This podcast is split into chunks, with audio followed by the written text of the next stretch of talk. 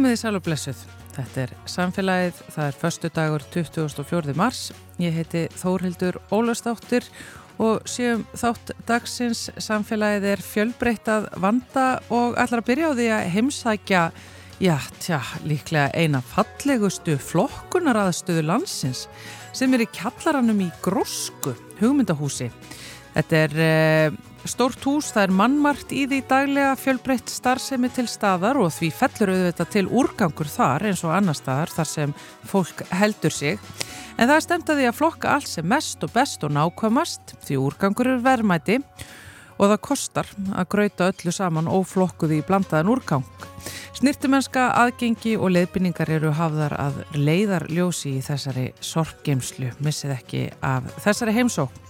Svo um miðbygg þáttar ætlum við að ganga út á Blikastaðanis í Mosalsbæ með tíkinni flugu sem veit fátt betra en að fá að spóka sig þar. Á Blikastaðanisi er golvöllur og fjölfarin göngu og hjólreðastígur. En það eru líka friðlýstar fornminjar sem okkur langaði að forvitnast meira um. Kristinn Magnússon, forlega fræðingur hjá Minjastofnun Íslands, hitti samfélagið og tíkina flugu á Blikastaðanisi og sagði frá fornminjunum sem þar er að finna. Málfarsmínúta er svo á sínu stað og loks dýraspjallið sem að þessu sinni fjallarum hefði svo kallaða miðsjávarlag sem Klara Jakobsdóttir, fiskifræðingur, veit allt um og ætlar að segja okkur af í lok þáttar. En við skulum byrja í einni aðteglisverðustu flokkunar aðstöðu landsins.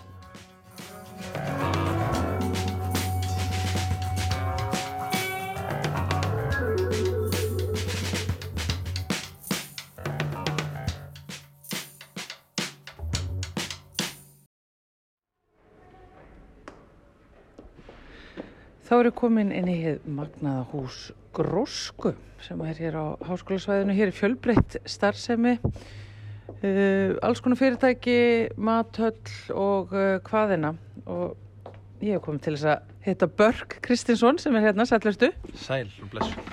Nýsköpunar og þróunarstjóri hjá Pure North og ástæðan fyrir því að ég vil hitta þig Börgur, mm. takk fyrir að taka múndum mér, er að mér skilst að hér í þessu húsi mm. sé flottasta flokkunar eh, sena landsins eh, á vegum ykkar hjá Pure North, ekki satt?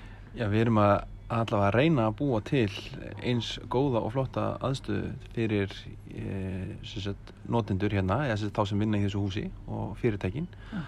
að koma og flokka allt sem fellur til í þeirra daglegu starfsemi. Fjölbreytt starfsemi og hversu margir starfsemenn í húsi? Ég, þegar húsið kom í fulla virkni þá ætti að vera hérna 1200 manns ja. á hverju ári, það, eða þessi á hverjum degi sko, en það geta komið alltaf 4000 manns ja. á, í gegnum húsið, annarkvært í á veitingastæðin eða í world class eða, eða bara í, á einhverju viðbyrði í húsinum. Þannig að það er náttúrulega fullt af sorpi sem að fellir til og mm -hmm. það mhm. þarf að flokka það og þið mm -hmm. eru að taka þetta skrefunu lengra hjá Pure North sem að er hvers konar fyrirtæki? Við erum uppröðanlega endurvinnslu fyrirtæki, við erum að endurvinna plast í hveragerði. Við erum að gera það frá 2016. En svona í setni tíð þá höfum við verið að reyna að færa svona okkar starfsemi aðeins, aðeins svona í heildar samhengi úrgangsmála. Og við erum njána í að bara aðstofa fyrirtæki, sveitafjölu og einstaklinga í þeirra úrgangsmálum, í þeirra úrgangsstjórnun. Og það er akkur það sem við erum að gera. Ef við nú erum við bara að stýra sérstaklega úrgangsmálunum. Þannig að við lágmörgum hennar að blanda úrgang, við höldum kostnægi lágmarki og erum að tryggja öllum þessum hráöfnum sem er að falla til viðkjöndan og umhverfisvænan farveg. Þannig að það er nákvæmlega það sem að mér skilst að sé í gangi hérna í kjallaranum og það er bara áhuga fólk um sko flokkun og úrgang er nánast bara búið að vara mig við að eh, hérna ég muni missa andliti þegar ég kem þarna niður til ekkert þannig að ég er eiginlega búin að vera mjög spennt alla vikuna yfir að koma heimsækja ef ekki bara að henda okkur að stað þú verður að sína mér þetta strax börkur. Já, bara ekki spurning, drifum okkur.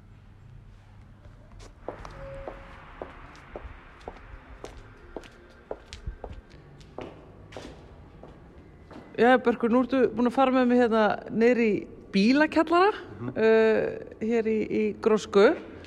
Og hér eru við komum bara eins og við sem að ganga hérna á veitingastanunast, þetta er svo fínt mert. Hva, hva, hvað stendur hérna? Uh, hérna stendur Öðlind by Pure North. Og Öðlind er sérstaklega nafn á þessu verkefni hjá okkar sem snýra því að koma sérst upp nýmóðins flokkunar og móttökuðastu fyrir endurminnslefni og úrgang sem fellur til í húsinu. Þannig að við bara, þau getum farið hérna inn, eða Já, ekki? förum bara inn, Já. Kíkjum aðeins hérna fyrir. Og það fyrsta sem tekur hérna á mótið er, er, já, fyrsta lagi er hérna bara eftirlitskerfi. Svo er hérna gagvirkur upplýsingaskjár, ef við byrjum Já. kannski að kíkja á hann. Hann segir, sem sagt, velkomin í öðlind. Hér sérðu sem sagt logo, uh, merki í ákveðinu litum sem eru sagt nýju samnorrænu uh, úrgangsmerkingarnar sem er verið að innlega núna á Íslandi og er, er verið að bara skrifa núna inn í reglugerða því að nota út um all land. Já. Þannig hér sérðu ómála timbur, fröðplast, plastumbúir, glæra plastfilmu, ráftæki, spillefn og fleira. Allt í þessum stöðluðu litum og þú myndir sjá þessa liti núna bara sama hvert þú ferð, hvort það sé á endurvíslutu sorpu eða á glerkrukkunni út í búð eða þú ferð til köpen. Þá myndir sjá svona logo í þessum litum. Og Þetta er núna í fyrsta sinn sem að reyna að samræma þetta. maður er að reyna að læra þetta og plastið er náttúrulega alltaf það sem rugglar mann mest sko það er fröðplast, plastumbúður og glærplastfilma og ég íti á glærplastfilmu og þá kemur komu upplýsingar um hvað glærplastfilma er.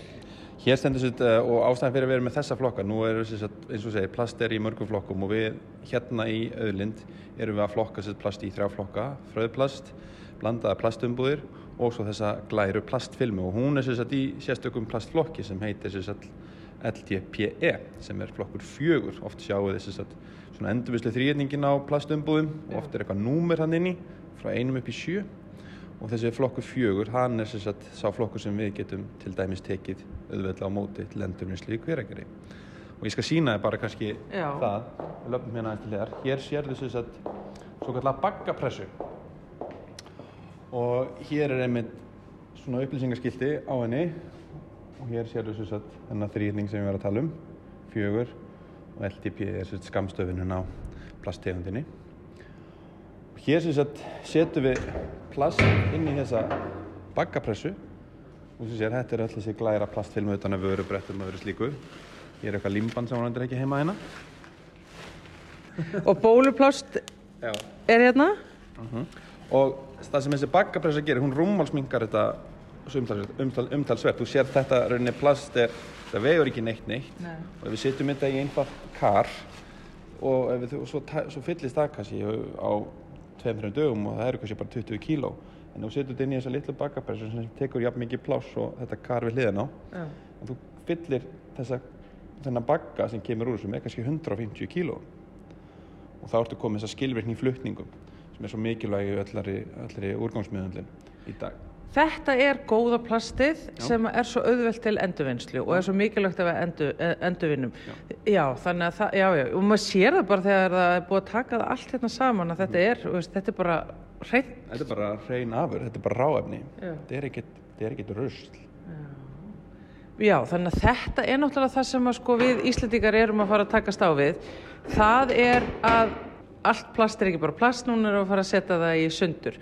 Og það er rosalega mikið eitthvað svona uh, af neikvæðni uh, heyrir maður af og það gleymir stundum að það er fullt af öðrum þjóðum að gera þetta og þær vældu ekki nándar nærri eins og mikið yfir svo við erum að gera. Eða ég veit það ekki mögulega vældu allir alltaf.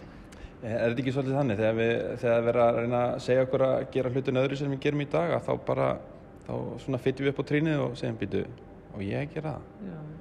Það kemur alltaf smá indriði í okkur sko. já. já. En hérna, en jú, minna, við, við horfum svolítið á þetta, þetta er svona spurning hvernig þú nálgast þetta. Ætlar að setja kvata eða ætlar að setja einhverja kvöð? Veistu, ætlar að, ætlar að, ætlar að refsa þig fyrir að gera þetta ekki eða ætlar að umbuna þig fyrir að gera þetta? Þetta er unni tvær leiðir til þess að fara ná sama marki og við erum svolítið að horfa á leiðina sem snýna því að hvetja fólk. Það er að segja eins og hérna í öðlind, við erum að fara að koma sér upp svona viktunabúnaði. Þannig að allir hinn í húsinu þeir munu koma og munu skrá sagt, frá hvað fyrirtækir eru og hvað ef- efni er að koma frá hverjum og einum. Og svo verður bara, henni er sagt gjaldskráin þannig að ætlum að það verður dý, mikl langdýrast að henda í blandaðan úrgang sem er bara hérna í þessum körum hér. En hins vegar með, með því að mynd rúmmálsminga og finna hagkvæmari og, og, og, og, umhverfisvætni farvegi fyrir hinn efnin sem eru hrein, sem eru hráefni, þá getum við mögulega sagt bara, herru, þú þarf kannski bara ekki að borga. Þú fær þetta bara á núli. Eða þá kannski er þetta orðið þannig að þú getur bara skilað og fengið kannski bara einhverja krónur per kíló. Ég meina ef þetta er ve- verðmætt rávara eins og plastfilman er, Já, já. er hún ekki verðmættust af öllu þessu rusli og kannski málmatni líka? Ég myndi segja málmann þessu klálega verðmættast. Það eru margir aðalar á marka í dag sem byrta bara sína gjaldskrá á netun. Þú getur bara sem einstaklingu farið og skila þínum dósum þess vegna Já. og fengi einhverja krónur fyrir. En hérna, en þetta er svona leiðin sem við viljum, sem við viljum svolítið, svolítið fara. Minna, þessi, við sjáum það að þessi málaflokkar er að kosta meira og meira og meira bæði hjá fyrirtækjum og sveitafélögum og mun kosta meira í óbreyttu ástandi. Þannig að við erum svolítið að reyna að sína, hei, hefur ekki að gera þetta aðeins öðruvísi. Við erum hérna með allskins græði, kannski sína í næst hérna jargeravélarnar okkar. Sem- eftir. Vá! Já, vá, ég sagði það líka þegar ég sá þetta fyrst. Hérna höfum við sagt þrjár vélar sem eru allar að vinna á lífrænum úrgangi sem eru að falla til í húsinu. Meðal annars frá hérna, mötureitum veitingastöðum og fleirum. Og það sem gerist hérna er að úrganginu með haldi heitum hérna við einhverjar 50 gráður og hérna í er bara verið að hræri í honum og hér er sagt bara ákveðin örveru flóra sem er bara að vinna sína galdra úr þessu verður sem sagt jarvegsbætir Var þetta bara matalegar? í gær Þetta er, þetta er, þetta er, þetta er uh, rosalega falleg mold. mm -hmm. þú veist, þetta, þetta, er, þetta, er raunni, þetta er sterkari mold sko. þú, þú þetta hérna eh, raunni að þinna, þetta er alveg svona koncentreraður nánast ábyrðu sko. Já, þetta lítur út eins og mold en er bara uh, Já, já, miklu já. meiri kraftur í þessu. algjörlega, þú tekur kannski eina, eina matgeði í blómapottin sko. Já, þetta er svo kraftur. Já uh, allavega ætlar að taka þetta strax og svo getur láta hann að þroska sér meira skilur eftir á bara út, á, út í gardi þess vegna eða, eða í fött út á sölum eða eitthvað þannig. Og þá, þá, hérna, þá getur sett þetta í aðeins, aðeins, hérna, bandaðan aðeins sterkar. En almennt sé já, þá er þetta þú veist, þú sér hérna nokkra svona trén, þú veist tréspítur og eitthvað svona sem, sem tekur þess að trefjar taka aðeins lengri tíma en bananahýði og, og hérna annars svona vökvaríkur úrgangur hann bara brotna niður á þessum sólarhing svo eru það sem sagt í mismunandi stærðum. Þetta er svona minnstafélin hérna. Er bara svona krútleg heimilis og leikskóla eða skrifstofu vél. Og hérna Þetta sem sagt bara tekur allar matalegar og bara tekur smá tíma að breyta Já, þessu bara í bara, tekur- frábæra moldu. í rauninni sko. það tekur hérna, hérna, hérna þessa 24 tíma að meðaltali. Og rúmmálsmingun verður alveg gífuleg það er svo þú setur kannski 10 kíló inn og færð að meðaltali 1 kíló út svo var ég hérna að klára peruna mína ég var að borða eins mikið en og ég gatt og hérna fyrr er restin og Hendir henni honni. henni ráni og hún verður síðan að þessu brúna þessu brúna bæti Þetta er algjör snild þessar, þetta, og veistu, þetta er bara þetta eru svona eins og fristikistur eða svona hérna litlir þurrkarar eða og, og, og bara hér moltiði allan lífrann úrgang úr húsinu. það fer ekkert lífrænt úr þessu húsi lengur. Og þetta rauninni geta þetta geta allir gert. Þú getur bara tekið þennan. Að minna svona vél hva, hvað myndur segja þessi stórt? Er þetta svona eins og þetta svona flatamáli cirka eins og eitt einbreytt rúm? Já. hún getur unnið 30 tonn á ári á lífræðan úrgangi. Wow. 80 kíló. Þannig að þú getur komið svona vél inn í nánast sko, sko stærsta mötuneyti á stærsta vinnustæð landsins og hún myndi bara ná að vinna allt úr því Þannig að ég get þá bara, virkar þetta þá þannig að ég kem hingað inn, ég er bara með skrifstofu hér í, í húsinu og ég kem bara með rusli mitt hingað inn og ég er náttúrulega með eitthvað pappa og, og blöðum og svo er ég með, veist, afgangur hérna hátæðismatnum mínum sem er lífrætt og, og ég er með eitthvað alls konar plast. Kem ég bara með þetta hérna niður og bara fer með hvert á sinn stað. sko, já, þú getur það. Hins vegar er líka raunin þjónusta eins og hérna upp á annari hæðinni þar sem við hjá Pjúnor þegar með skrifstofu þar raunin erum við með þess að svona það litla kaffibása þar sem, sem við erum að flokka í lífrænt í plastumbúður í, í hérna blandaðan pappír og hérna og skilíkjaskildar umbúðir við erum svona með grunnflokkan á hæðunum en svo er ítalegri flokkun hér. Þannig að þú ert með, þú ert að kaupa þér inn sko tölvuskjá. Þá setur hann upp á skrifstofuninni en þú kemur síðan með það hingu, þú tekur fröðplasti úr, setur það í fröðplastpressuna hérna. Bylgjupappan setur hérna í þessa bakkapressu. Og hérna og, og, og þú getur, segjum við afgangurinn af matninu og getur sett hann í íláttinn sem eru á kaffibásum. En þú getur líka komið hann hinga niður. Þér er frást að gera það. En hugmyndin er að þetta er svona það sem er kannski að falla til í litlu magni hjá hverjum að einum að því að veist, það er áþannins ekkert að vera að falla mikið til í daglegum rekstir hjá fyrirtækjum á skrifstofum. Þetta er bara svona, svona segir, þetta kaupa eitthvað inn eða, eða hérna með afganga matninu með eitthvað hann að þú getur losaði við það á hæðunum. Já. og það er síðan komið hinga en svona stærri hlutir eins og hérna við séum svona kassa utan af allskins eh, aðfengum, glerkrukkur, timburkassar og hérna og svo náttúrulega eru ráftækja kapplar eða eitthvað þannig það er farað þangað og málmumbúir hérna allir frá mötuneytun er hérna karið fullt af svona bara dósum undan tómutum og öðru slíku og hérna allir eh, er svona sérstaklega spillernaskápur þar sem við geymum hérna allar notaða matarolju þú sér það hérna? Þú ert að steikja franskar eða eitthvað þannig þá er það allt geimt hérna. Og í þessum skáp erum við síðan að fara að setja sér upp sagt, svona merkingar. Því hérna erum við með aðstöð til þess að geima þá úðabrúsa, ljósaperur matarolju flúrperur og önnu spillefni þannig að þetta er bara svona sérstök aðstæð til þess að geima það sem þú vilt ekki að rati í aðra flokka og ef það lekur út um alltaf þá er þetta leka heldur botn eða kviknar í eða út af það er alltaf eldhætta í rafluðum og öðru slíku þá er slökkubúnar hérna sem fyrir í gang. Uh. þannig að þetta er bara svona loka kerfi fyrir þessa, þessa flokka. Ég held náttúrulega sko ég hef aldrei séð annað eins rými og þetta að mörguleiti bara svona mjög einfalt einhvern veginn svona kjallari rými en líklega bara náttúrulega og er náttúrulega flottasta flokkunar aðstafa á landinu, ég held að það sé nú alveg óhætt að segja það. Við erum, við erum að reyna að allavega búa til einhvers konar sína fólki hvað er hægt af því að þetta er engin gemvísindi og það þarf bara, eins og segja, þetta snýst um að vera með þetta skýrt, vera með skýr skilabóð, skýrar upplýsingar skýrar merkingar hafa þetta snirtilegt, það er líka svo mikilvægt að Já.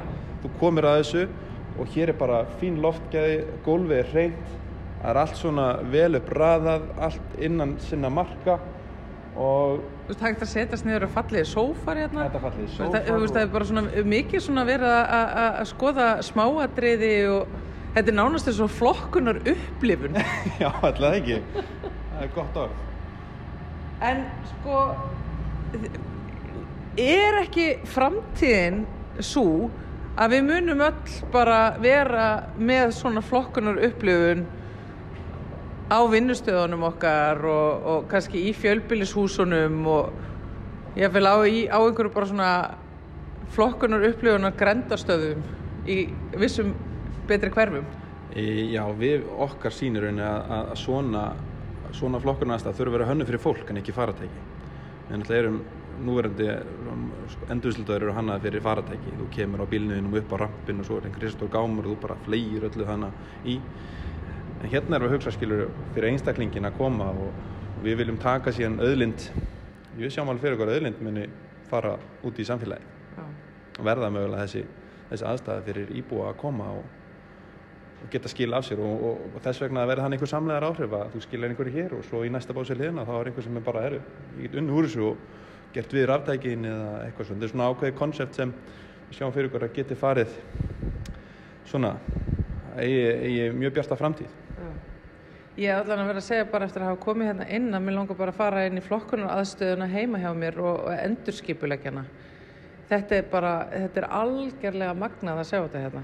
Þetta er, já, það er eiginlega, sítið það nú ekki ofta að vera í útvarpi en ég ger það mjög lítið núna.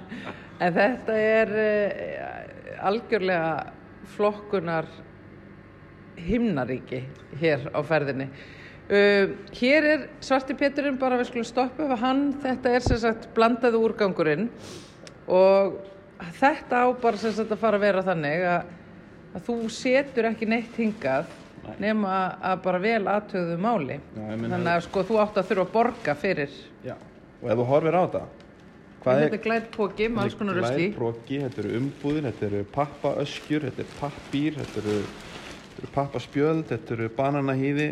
Sko, heyrðu, þetta er fullt af verðmættum. Þetta eru fullt af verðmættum. Þetta er, þetta er það sem við erum að henda í ösli. Menni á pælirið og horfur allar svo flokka hennar sem eru upp á vegg. Með málmál, með plastumbúður, með timbur, gler, lífrannan úrgang, mm, pappa, fernur, bylgju, pappakassa. Hvað er eftir? Þessi hérna reysastóri póki með blönduðum úrgangi, hann geti verið sko, það geti verið einn áttundu eftir af honum sem er þá raunverulega bara blandaður úrgangur. Já, þú veist, ef það. Ég myndi sko, hérna, Já, ég verið veri pínu kallaði sko þegar ég, fer að heimsækja fyrirtæki þá er ég alltaf komið með hausin núni hver einustu tunnu sko að skoða hvað á að vera þar en, en hérna en, og það hefur bara sínt kent manni það að í blöndum úrgangi er ótrúlega mikið hæ hæ er ótrúlega mikið af efnum sem bara ég ekkert heimaður Það, það er þörf á nýri hugsun. Ég allavega held að þessi aðstæði hér eh, sé alveg klálega að íta við okkur að fara í það Ég held bara að það ættu allir að koma yngað. Þetta er algjörlega magnað að sjá þetta. Ný hugsun í flokkun. Flokkun upplifun í, í þessu flotta húsi sem gróska er. Þetta er bara, gróska er að setja svolítið bara svona tónin, hvernig er hægt að gera þetta upp á tíu. Börkur Kristinsson, nýsköpunur og þróunarstjóri hjá Pure North. Takk hérlega fyrir að taka mig hingað neyri auðlind eh, í grósku. Flokkunar eh, himnaríkið. Takk fyrir. Do-a-di-ding-dong, ding-a-ling-a-ling Shibum-ba-de, ba-du-bi-du-bi-de Lífið er dans Vinnaði fylgja vildir mér til draumalands Og segðist gefa mér alla ástina Lífið er dans, vinna Halló, halló frækett, síbum, ég vona við hittum senn Lífið er dans, ef alla mónir mína rættust þar við frans. Við myndum dansa saman inn í eilífina Lífið er dans, vinna Og hversinn er ég horfa á þig?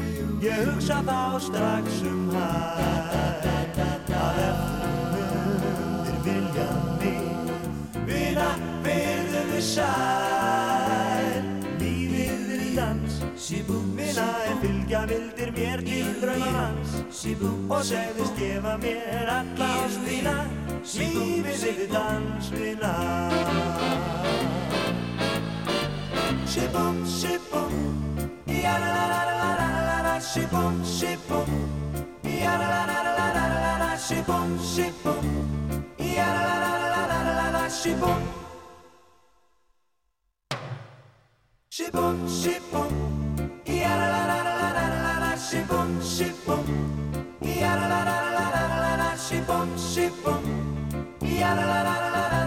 shibum,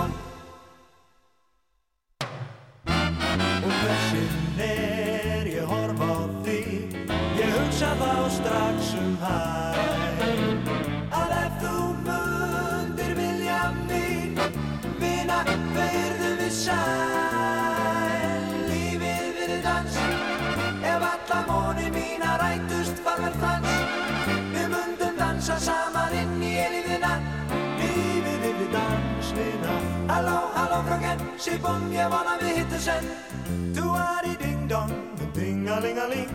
Síbum-ba-dei, ba-du-bi-du-bi-dei Lífið er dans, lífið er dans, vina Lífið er dans Ef alla móni mína rætust var vel frans. Við mundum dansa saman inn í elífina Lífið er dans, vina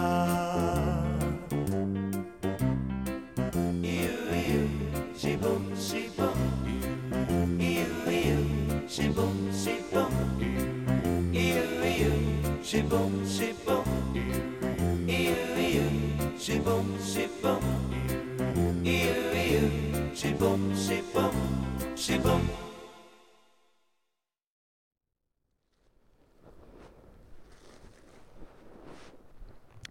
Ég stættur á Blíkastaðanessi í Mósusbæ og með mér er tíkin fluga og hún veit ekkert skemmtilegra en að fá að skoða sig um hérna á Blíkastaðanessi og ég horfi hérna út á Geldingarnes og svo hérna hinnum með við Leiruvóin er Álsnes, Víðines. Mörg nesin hér en þetta er Blíkastaðanes sem ég stættur á hér. Og hér er golvöllur og gungustígur og hjólreðastígur og það var nú fólk sem fór hlaupandi hérna fram hjá mér áðan þannig að hann er notaður ímislegt þessi ágæti stígur og margir sem að eiga leið hér um og þau sem eiga leið hér um þau reka augun í merkingar. Það eru hérna skildi við uh, tóttir sem eru hér og greinilegar fornminjar. Og á þessi skildi er skrifaður bókstafurinn R. Og við fluga urðum forvitin að vita hvað leynist hér. Og mæltum okkur mót við Kristinn Magnússon sem er forlegafræðingur hjá Minjastofnun Íslands Eh, hvað er þetta hér? Hvað, hvað, hvað leynist hér undir, undir uh, grasinu og, og grjótinu? Já, það er reyndar ekki kannski til einfalt svar við því ekki, en það er svona allavega fleiri en einn kenning til um, um hvað þetta er hérna en þetta, þessi staðurinn heitir þó að sé á blíkastaða nesið þá heitir þetta gerði eða blíkastaða gerði og hér eru þessar tóftir eins og þú segir það er, það er þessar tvö til dærulega stór gerði hérna sem eru hlaðin úr grjóti og inn í þeim eru mannvirki og, og hérna, já við stöndum nú akkurat í, í einni tóft sem að geti vel verið búðartóft. Og hérna og sem sagt já það er hérna helst Kristján Eldjátt var hérna á sínum tíma í kringu 1980 og skoðaði þennan stað mjög vel og, og reyndar fleiri verslunarstaði hérna í nágrenninu. Og hann svona let sér detta í huga að þetta gæti annarkvort verið leifar af, af sem sagt á skipa eða hérna fiskistöð eða eitthvað slíku þar sem hefur stundað þá fiskveðar og, og vinsla á fiski hérna. Og svo hins vegar sem er nú kannski skemmtilegri kenningin að hérna hér væri hinn gamli leirvogur, það er vestlunarstaðurinn eða kaupstaðurinn sem að víða er getið í fornum reytum menn það víða talað um að menn hafi lagt skipum sínum í leirvog. Og hérna það er nú svona menn að oftast haft á hugmynd þá að, að því að leirvogurinn er, er náttúrulega hérna aðeins austan við okkur sjálfur og, og þar þegar það fjarar út þá koma leirurnar upp og, og menn hafa svona haft á hugmynd að menn hafi kannski silt þar inn og látið svo fjara undan skipunum og geta þá að fermt þau og fermt á þurru landi. En hversu mikið sem menn hafa nú leitað þar að mikið búið að leita þarna í kringu leirvóin sjálfan og ekkert fundist neinn merkjum þetta. Þannig að Kristján lít sér þetta í huga kannski væri hinn forni vestlunarstaður hér og þessar tóftarleifar sem hér eru eftir væru leifarnar af, af hérna, því sem var hérna þá búðar tóftum öðru slíku og við stöndum hérna fyrir framann okkur út í sjóin skagar svona smá rif eða tangi komin upp á fjöru núna og er bara alveg mjög grítur en hann let sér sem sagt þetta það í huga hér fyrir á árum hefði hér verið bara sem sagt gróið land. Þessi tangi hefði verið algróinn og, og mögulega hefði, hefði búðar, tóftir og annað sem til er í Vestlunarstanum þá verið á þessum tanga. Og hann verið sé að hérna reiknaði það út svona lauslega að, að ef að hér, hér hefði verið landbrot svona 5 cm á ári þá hefði á þessum 700 árum sem liðin eru síðan að kaupstæðurinn var hérna svona einhverju 35 metrar eðist af landi hér sem getur það bara vel passað við þetta. Og, en, en eins og ég segi það er svo sem ekkit hér hefur ekkit verið rannsakað með hérna forlega fræði rannsókn eða slíkt þannig að það hefur ekkert verið skorið úr þessu í rauninni. Nei, en við sjáum að það hefur gengið svolítið á landið hérna og það hefur, það hefur, það hefur komið hérna róf í, í landið og í, í meðal annars þessar, þessar uh, fornminja sem eru hérna. Það er ekki bara komið tími til að rannsaka þetta almennilega. Jú, það var náttúrulega það og, og, og sér þessi gerði sem eru hérna, þau eru, það er búið að taka ansi mikið af þeim sko hérna, sjórin og eins þessari tótt sem eru hérna og og væntalega fleiri tóttum sem hafa verið hérna. En mér skilst nú reyndar að það sé komið á áætlun hjá vegagerðinni að, að setja upp einhvers konar varnargarð hérna fyrir framhand og, og verja þá það sem eftir er að þessum tóttum. Mónandi verður þessi ekki langt að býða. En hvað er meira hér? Sko, þetta eru nokkri staðir. Er þá, er þá kenningin svo að þetta tilheyri allt þessu sama svæði þetta, þessi, þessum, þessum verslunastað eða, Já, eða, eða þess að þar. Við vitum að það er hérna aðeins innar á nesinu eru, eru líka tóttir sem eru mertar. já, já, það eru, hérna, já, já, þetta, á stað eins og eins og bara þessum blika staðir voru stórbíli að það var náttúrulega mikið af allskins tóttum og allskins minjum og, og ég man ekki hvað, ég held að séu eitthvað yfir 50 forlegar skráðar á jörðinni sko. Að sem, sem eru náttúrulega allavega bæði, bæði þetta sem tilheyri búsettunni hérna og bæjaróll og, og útihús og tungarðar og, og svona stekkir og álfótlar hérna í landinu og, og auðvitað eins og vera ber. Þó eru nokkur að grafa í hann. Nei, það, hann stendur nú bara rétt við þjóðveginn svo hann fær að vera í friði og svo, svo herminjarnar líka, það er herminjar hérna líka í landinu. Já, segja okkur aðeins mér frá því. Það er náttúrulega ekki, ekki friðað eða slíkt en, en það mætti kannski varvita það. Já, það verður vonandi var það náttúrulega búið að, að eigða mikið af herminjum sem voru hérna í sveitinni. Það er, það hérna, erinn bæðis og breski og ameríski hafðu gríðan mikil, mikla starfsemi hérna í Mósulbænum og já, má nú kannski segja frá því í leiðinni að, að núna fyrir áramótina þá kom út bók sem að sögufélag kjærleinstinga sögufélag kjærleinstings heitir það nú, gaf út. Og hérna heitir Hersetan í Mósulsveit og, og Kjarnanestingi 1941-44 og það er hérna Friðþór, Friðþór Eidal sem að skrifa textan í hana og gríðalegu fjöldi af myndum af einmitt frá því herin var hérna. Já. Það er mjög hvet alla sem að hafa áhuga á þeirri sögu að ná sér í þetta, þessa bók. Og þetta er ennþá sýnilegt hér, eh, sko, minjar um þetta. Já, það er, er hérna, hérna rétt hjá okkur er, er, er ein svona skotgröf sem að hefur verið hér á malarkampinum. Það er reyndar svo sem ekki lætur ekki mikið yfir sér. Þetta nú hefur bara verið hóla sem hefur verið grafin í, í malarkampin og, og svo svona einröð af steinum eða svo í, á bakkarum í kring og en þarna hafa menn leið og fylgst með sennilega skipatrafík hérna úti fyrir. Já. Og svo voru brakkar náttúrulega Já. víða hér. Já, og ekki mikið bragga og ekki braggar hérna í, í Blíkastæðalandinu en það var náttúrulega mikið upp, upp, í, upp, í, Reykjalandinu og, og svo var náttúrulega þessi stóri mikli spítali sem var hérna á ásónum og allt sem húnum fylgdi og, og annar reyndar í á Hólafossi þannig að það voru mikil mannvirki. Og enn hægt að sjá sunda þessu. Já, já, það er, það er svona grunnar af bröggum allavega Já. hér og þar sem hægt er að Þetta er nær okkur í tíma. Já. Eh, Þetta er svona, já, heldur en, það sem við byrjuðum að skoða Já, hérna. Þú, þú segir 700 ár. Já, það er sem sagt þessar hérna fornu heimildir sem að geta um kaupstæðin í Leirvogi, það eru svona út frá þeim hefur það verið reiknað út að hann var, þetta var hérna svona kannski á hérna fram til 1300 hafi, hafi kaupstæðurinn verið hér í Leirvogi.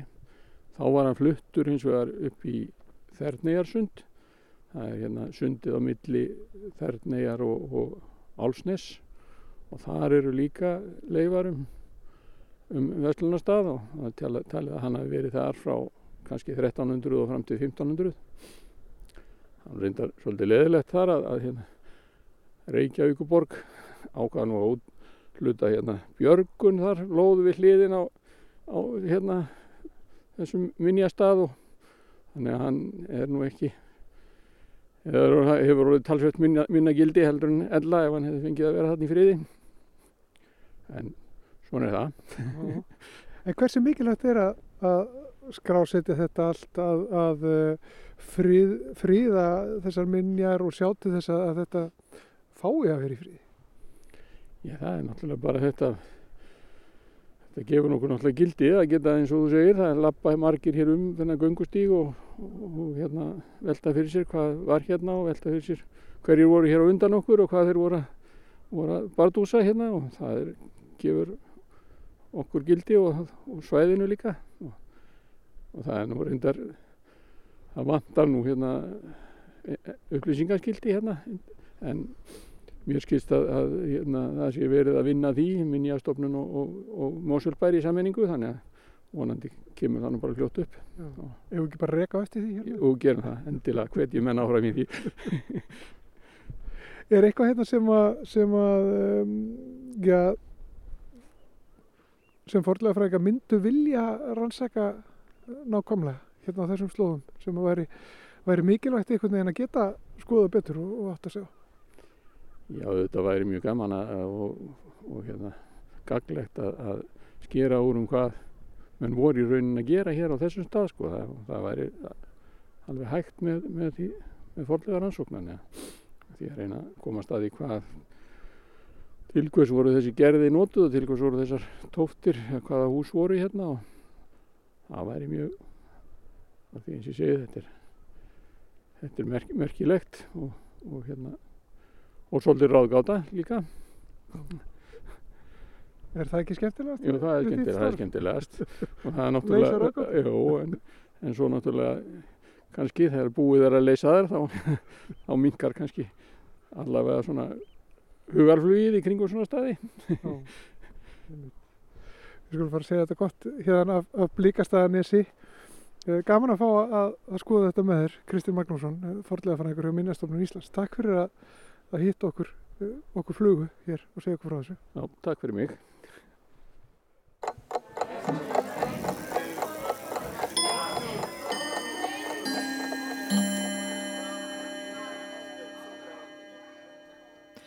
Þótt því sé haldið fram í orðsifjabókinni að sófi sé tökku orður dönsku sem eflaust er rétt, þá er eitt elsta dæmið um það í íslensku blaði nær öruglega ár ennsku.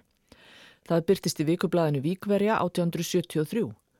Þar segir frá brefum frá Ameríku sem byrst hafi í norðanfara og segja frá öllu því nýstárlega sem fyrir brefritarana hefur borið. Greinarhöfundi finnst brefritarar hampa nýja heiminum um of á kostnað Íslands. Það getur nú varlega allt verið svona gott í henni Ameríku og þar kostar allt peninga. Hann tilgreinir í því skyni sófana með þessum orðum.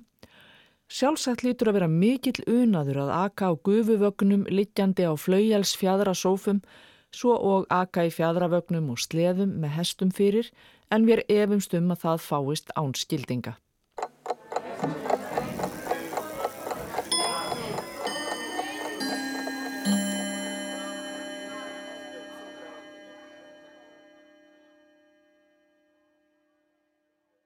Þá er komið að dýraspjallinu hérna hjá okkur í samfélaginu. Dýraspjallið svo kallaða fjallar ekkert endilega um dýr en við erum líka að tala við fólkið sem að rannsakar þau og ímislegt fleira í náttúrunu okkar. Okkar besta náttúruvísinda fólk við fáum að forvitnast um hvað þau eru að gera, hvað þau eru að rannsaka og vita sem að er nú aldeilis eitt og annað. Að þessu sinni er það Klara Jakobsdóttir sem er sest hérna hjá okkur Hún er sjáalífræðingur hjá Havró. Sælverstu Klara. Sælublessuð. Það eru miðsjáarlaugin svokölluðu sem að ég veit að þú ert algjörlega sérfróð um en ég þurfti að fletta upp orðinu miðsjáarlag bara áður en að ég bara gætt komið hingað inn og, og tala við þig. Útskjöru fyrir okkur hlustandum hvað þetta er eiginlega. Já, mér dætti í huga að þetta myndi vekja forvetnið þína því að það eru margir ekki meðvituð um þessi miðsjáarlög. Þess að þetta mér er mitt í huga að vera gamna að spjalla um þau hérna. Líka í ljósið þess að við erum að tala um að þessi háti lífræðilega fjölbreytni þetta árið og þessi miðsjávarlög, við getum kallað þau gott dæmi um lífræðilega fjölbreytni. En þau eru nefnilega, það má segja þetta sé teppi eða sem við kalla þetta teppi en þetta eru svona lög, þygt lag lífvera sem eru í svo kallum miðsjó sem eru svona á 200-1000 metra dýpi yfirleitt í úthafinu Og það þýðir að kannski að bóttdýpið undir þeim er um það byrjum 3000 metrar, þetta er alveg bara í mjög miklu dýpi, mm. en það myndast þetta lag lífvera. Þarna svona, já, bandarækjaman kalla þetta Twilight Zone, þeir eiga, hafa svo gott með að finna svona flott nöfn á hluti og það er raun og verið sem lýsir þessu fyrirbreyðu, það heldur sér það sem dagsljós þrítur og myrk myrkrið verður algjört í, hérna í myrkri hafdjúpana. Svona eins og ljósaskiptunum já, Íslandi. Já, en þetta er svona mjög rómatýrst nafni á þeim en það er svona gríp, meira grípandi heldur en miðsjávarlög eða mesopelagic layer eins og þetta heitir líka. Já, En hvað er það við þetta miðsjárlag sem að veldur því að það er svona mikið lífriki? Hvað eru þessi dýr og lífurur allar að sækjast í? Herðu, þetta er einmitt góð spurning og það er náttúrulega bara að vera að rannsaka það núna. Þetta er, þetta fyrirbreyði hefur ekki verið þekkt svo lengi. Þetta er náttúrulega eins og er oft með rannsóknir í úthafinu, við erum náttúrulega, þetta er svo langt í burtu, erfitt að mæla. Mm og þetta, þau byrjuði að sko þetta uppkvitaðist kannski, ég held að sé, ég sé ekki að ljúa því að þetta uppkvitaðist á 5 áratögnum þegar fó, þeir fóru það er lungu farið að nota svona bergmálstækni við að finna fiskistofna og fleira. Og svo tækni byggir á því að það er sendt svona hljóðbylgjur sem eiga endur kastast af hafbótni mm. svo voruður með þessa tækni þarna í úthafinu og komast að því að endurkasti kom frá einhverju allt öðru heldur en hafsbótninum og fór að kalla þetta draugabótn og þannig raun og veru fattar í fyrsta sinna um að við séum með þessi, þessi, þetta lag þarna út í úthafinu. Og svo er náttúrulega hafna rannsóknir á því og við erum bara, við vitum en þá freka lítið en það, það er alltaf að fyllast meira og meira í svona vittnesku uh, pókan um, um þessi lög og akkverju þau eru þarna sko það er, þetta er mjög flókið samspil, við erum að finna þarna dýr allt frá örverum upp í kvali sem sækjast í þetta visskerfi og það sem líklegast er, gerist er að það er náttúrulega hérna, hérna þörungar sem myndast náttúrulega við sólaljósið mm. og þeir valda því að það fer eitthvað annað í þetta þá. Og svo fer eitthvað að sækjast í það sem við getur það. Og þannig kollakolli og þannig hérna heldur þetta teppið sér saman.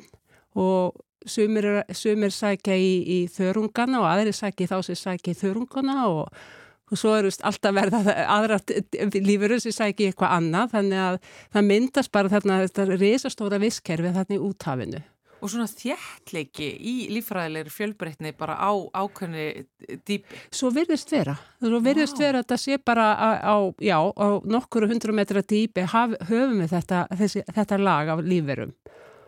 Og það, það er líka flóknarið það. Þetta er ekki bara lag og eitthvað káos af einhverju dóti heldur virkilega lag skiptast þau eftir því hvað, hvernig þau haga sér. Og stór hlut er svona lífverðan að stunda svo kallað sem við kallum dægurfar og það er að þegar lífurutna þær synda upp á nóttinu og niður á, á dægin. Stór hluti lífurinn er þá ofta að reyna að fela sig fyrir einhverju rándýru með að fara að sækja niður í myrkrið á dægin en er að synda upp í leita fæðu á næturnar þegar það er myrkur. Og stór hluti af þeim stunda þetta dæg og fara en svo er líka, eru við búin að finna með okkar ansóknum að það er eitt lag þarna sem er ekkert svo mikið á ferðinni, heldur heldur sér bara á 500, 500 metra dýpi og græðir kannski á því sem þeir sem eru fyrir ofan að geta.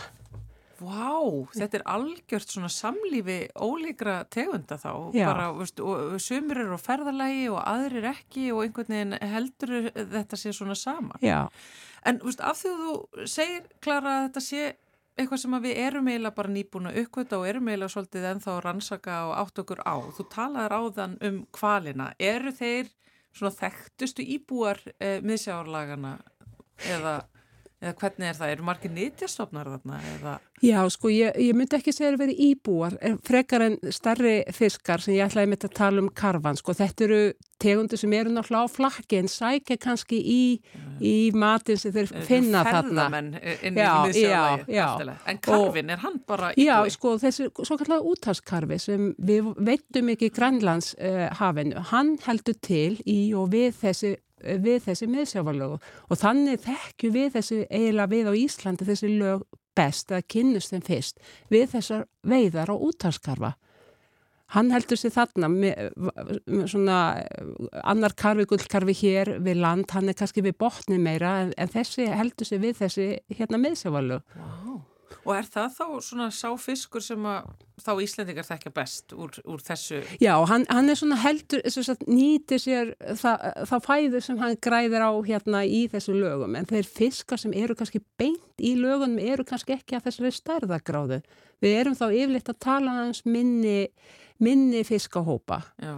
og um, það, já, þessi miðsjávarlög sem eru, þau eru í öllum heimshöfum og það er frekar nýbúið að reyna, einhver að reyna að meta hva, hversu mikið þetta er og það er talað um, sko, við erum að tala um 10 miljardar tonna uh, biomassa sem þeir halda felist í þessum uh, lögum sem Já. er nýbúið, eiginlega nýbúið að finna og þess vegna eru allir núna rannsakata því að þetta er náttúrulega svo áhugavert með, með hérna prótínþörf mannkynnsis í huga. Allt ennum eru búin að, búin að finna þarna bíamassu upp á miljardar tonna út í úttafinu og þess að hafa náttúrulega margir áhuga að vita er þetta nýtilegt, getur við nota þetta, nota þetta til manneldis eða fóður eða hvað hva sem, hvað hva, í hvað eitthvað sem nýtist okkur líka. Þetta er nánast þá bara eins og að hafa komið niður á gullæð já, í bergi. Já, allir það ekki.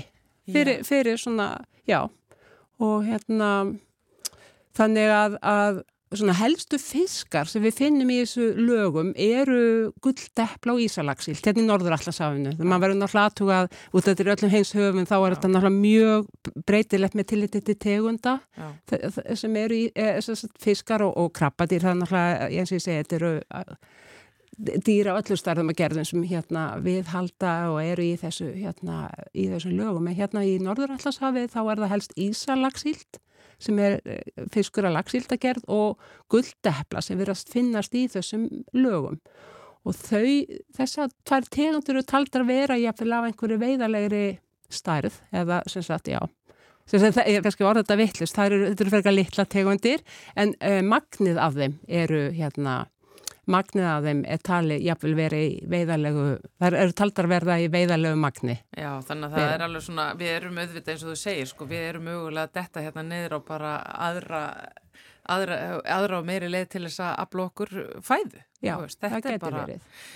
En varst þú útskýr á þann að þetta hafi, ekki, þetta hafi ekki verið eitthvað sem var vitað almennilega af? Mm. Um, Ma, maður átt að segja þetta á því að hafið er pínlítið eins og tunglið, það er svo mikið við það sem er ókannað en eitthvað svona er, ég veit ekki, ég, ég, mér finnst alltaf svona skrítið að þetta hafi ekki verið komið til miklu fyrr, að þetta sé jafn mikið svona uppgötun eins og þú ert að segja og það sé bara, veist, þú og, og þínu kollegar út um allan heim sé bara rjúka upp til handa og fóta og bara wow, hvað er í gangi, við erum að skoða þetta betur. Já, ég, ég kannski er náttúrulega íkja svolítið viðbröðum, þetta er þess að við sem allt í einu þá erum við að tala um kannski áratugar skil, Já, ég, ég veit að það er öðruvísi tíma skil þegar kemur að og þessi vittneskja um magni sem fælst í lífmassana þarna, hún er heldur ekki búin að, hún er kannski búin að vera svona í áratug, 15 ára eða eitthvað svo leiðist, þannig að er svona, þetta er ekki alveg endilega gerast frá degi til dags þessi þetta, vaksandi áhugi en, mm. en ég held að þú skilir hvað ég meina, þú veist, svona, ja. þetta er svona frekanílegt ja. að, hérna, vita, að þessi vita um þetta og það er náttúrulega frekanílegt að við getum mælt þetta því að náttúrulega bergmálsmælingar hefur fleikt svo rosalega fram og í upphafi þannig að eins og við þekkjum öll með són, bara sónar, mæður þekkja Já. og foreldrar þekkja allir sónar og þetta er bara hljóðbylgjur, þetta er bara sama fyrirbreyði og þessari tækni hefur flekt og rosalega fram núna undar, á undarförnum árum og ég er ekki mannskjandis að lýsa henn, þessari tækni en ég get bara sagt að hún hefur nýst við að rannsaka, rannsaka þessi miðsjálega mjög vel og það allt og langt mála að reyna að útskýra hvernig er fara að því en þegar við höfum tekist að finna svona, þegar, við kallum þetta sértæk bergmálskildi fyrir vissa tegundir að dýrahópa og með því hafa þeir geta svona mælt svolítið meira nákvæmar það sem er fyrir í þessum lögum Já. og þar með eru komnar einhverja tölur og við elskum tölur og þá eigum við betur eigum við betur með aðeins að átt okkur á hlutum og, og hérna og hvort er ha, við höfum áhuga á þeim eða ekki Já. sem manniskur. Ég veit að alveg að þið elskir tölur en ég veit að þið elskir náttúrulega líka að skoða þessi kvikindi sem að þið náðu að taka upp úr eh, hafinu. Ertu þá í því að, að, að skoða það sem að kemur upp af þessari dýft og, og tegundagreina og og, veist, kíkja á þessi kvikindu öll? Sko, því miður uh, eru höfum ekki, höfum ekki svo marga leiðangra sem sinna þess, þessum rannsóknum. Þetta er erfitt að ná þarna. Er erfitt og dýrt að hérna, sinna þessum rannsóknum. En við fengum hérna, fengum hérna fjögur evróskum samstags rannsóknarsjóðum með svo heitir eitt og sömmer annað sem er hérna í gangi hjá Havró og þessi peningar voru nýtti meðal annars til að fara í leiðangur, já það eru þrjú ár síðan, 20, 2020 og þá var þetta svolítið svona eins og í kvik, svona góðri bíómynd að við vorum að, hérna, vorum með svo kallið ljós áttu troll sem eru svona minni troll heldur en, ja, minna veiðafæri heldur en maður veiði fiska í, það er svona minni möskvi og vorum að veiða nýttmiðað í þessum lögum til þess að finna tegundir og hérna og reyna átt okkur á eh, samsetningunni. Sko það sem að, að því að þú ert að segja að það sem að er að koma upp úr þessu veist, sé svo spennandi og getur mögulega bara emitt tekið þátt í að fæða sísvangt og ört stækandi mankin. Gæti þetta kannski emitt senkaði mögulega að við þurfum að fara að borða skortýr ef, ef við náum að nýta þetta miðsjáarlega almennilega til, uh, til fæðu neyslu? Sko, þér að segja, þá myndi ég freka leggja með skortiti munns heldur marga þessa tegunda sem við finnum þarna, en, en það er annir saga. Hérna, það er kannski, þetta er, þetta er, uh, Er, þetta er erfitt eða þeir eru svona, hvað segjum er, hvað er gott orðum það, þeir eru bara að skoða þetta, að, hérna, hvernig þetta mætti nýta þetta manneldis og, og langt frá því allar þess að tegundir séu hævar mm. og það er annað vandamál sem kemur upp á þegar verður að reyna að veiða þessa tegundur að það er, það er hérna, það brotna niður, það er mikið niðurbroti mjög fljótt í, í hérna þessu smáum fiskum eða krabbadýrum sem við verðum að veiða þarna, þannig að það er svona hlutu sem þarf að, að hérna, eiga við að hérna, varveita prótinnið áður en það verður bara ónýtt. En það er bara margir að rannsaka þetta núna og aðtöða hvernig þeir, þeim getur hérna hvernig þið geta nýtt þetta á einhvern, á, á einhvern hátt. Já. sjálfbæran og arbæran hátt þá En er ekki grátlegt að við séum ekki að setja meiri rannsóknar fyrir í þetta við Íslendingar? Vist, verandi mögulega, náttúrulega verandi sjáurútvastjóð sem að geti nú aldeilis eh, haft gott að því að komast niður á, á, á gull gullæði hafin okkar Já, Hafrasóknarstofnun náttúrulega eins og öruglega margar stofnunir hefði, hefði geti gert ímislegt við meiri pening skal ég segja þér, margar góðar ansóknir en, en svona er bara staðan að hérna, við höfum það ekki í dag en, en við vitum af þessu og, og, og það, það góða er að það er náttúrulega gott vísindarsamfélag vísindarsamfélag er gott og við miðlum til hvors annars og, og hérna og þannig að við getum reynda að halda uppi þó allavega einhver, einhverju upplýsingum, einhverju fræðslu og einhverju vittnesku mm. þótt að við getum kannski ekki akkurat núna farið í leiðangur. En margi gáttu grætt á því þegar við fórum í leiðangur og við vonumst til þess að græða, græða þá á leiðangurum annara En Klara, ég er samt ekki alltaf skemmtilegast að fara og gera sjálfur. Veist, eins og þið gerði þarna fyrir þreymur árum. Í staðan fyrir að vera, veist, fá bara upplýsingar frá kolleguðinum einhver starf annar staðar frá Vissulega. Já, það er, er það ekki. Vissulega. Það er en, ekki gaman, veist, já, það, það er, já, það er betra heldur en að setja alltaf á skrifstofun upp á Havró. Já, það er vissulega. en verandi þá vísendamadur í þessari stöðu að vita af einhverju sem að þú kannski kemst ítla til þess að skoða og rannsaka og gera með bara ein höndum og augum og verandi að taka þetta inn. Er þetta samt svona rosalega spennandi af því að ég heyri sko hvað þú ert spennt fyrir viðfóksafninu þó, þó að þetta sé eitthvað sem að þú kannski kemst ekki eins mikið í að skoða sjálf Er ekki alltaf spennandi að sjá eitthvað nýtt og óþægt Það er náttúrulega, það er náttúrulega líka uh, hérna hluti af þessu að þú veist að það er áskorun en það er eitthvað sem við þekkjum illa. En ég held að það, við séum svolítið útsett fyrir því sem förum í störfa hafrasotnarstofnum. Við sjáum eigum erfitt með að mæla hlutina, sjáum þá illa og það er oft mikið mat eins og þú getur ímyndað þér. Þetta er bara um, rannsóknarsvæði sem er mjög erfitt að vera með nákvæmar mælingar á og þannig að það er kannski bara í grunninn eitthvað sem við vitum að er erfitt að hérna að hérna að uppfylla nákvæmar mælingar alltaf hverju sinni en hérna en vissulega hérna hið óþekta við þetta er, er mjög spennandi. Já, og drýfur okkur náttúrulega allt okkar vísendafólk er náttúrulega mikið áfram. Já, örugla. Klara Jakobsdóttir, eh, sjáar lífræðingur hjá Hafrannsóknarstofnun, takk kærlega fyrir að koma hinga til okkar í samfélagið, í dýraspjallið og kynna okkur fyrir þessu stórmerkilega miðsjáarlægi í hafinu. Heru, takk sem er leiðis fyrir að bjóða mér.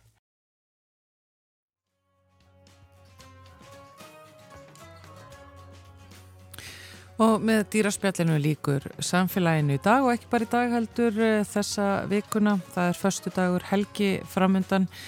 Við eh, vonumst til þess að eh, hlustendur samfélagsins njóti hennar. Við verðum aftur hér á sama stað og tíma uh, á mánudaginn klukkan 1 á rás 1.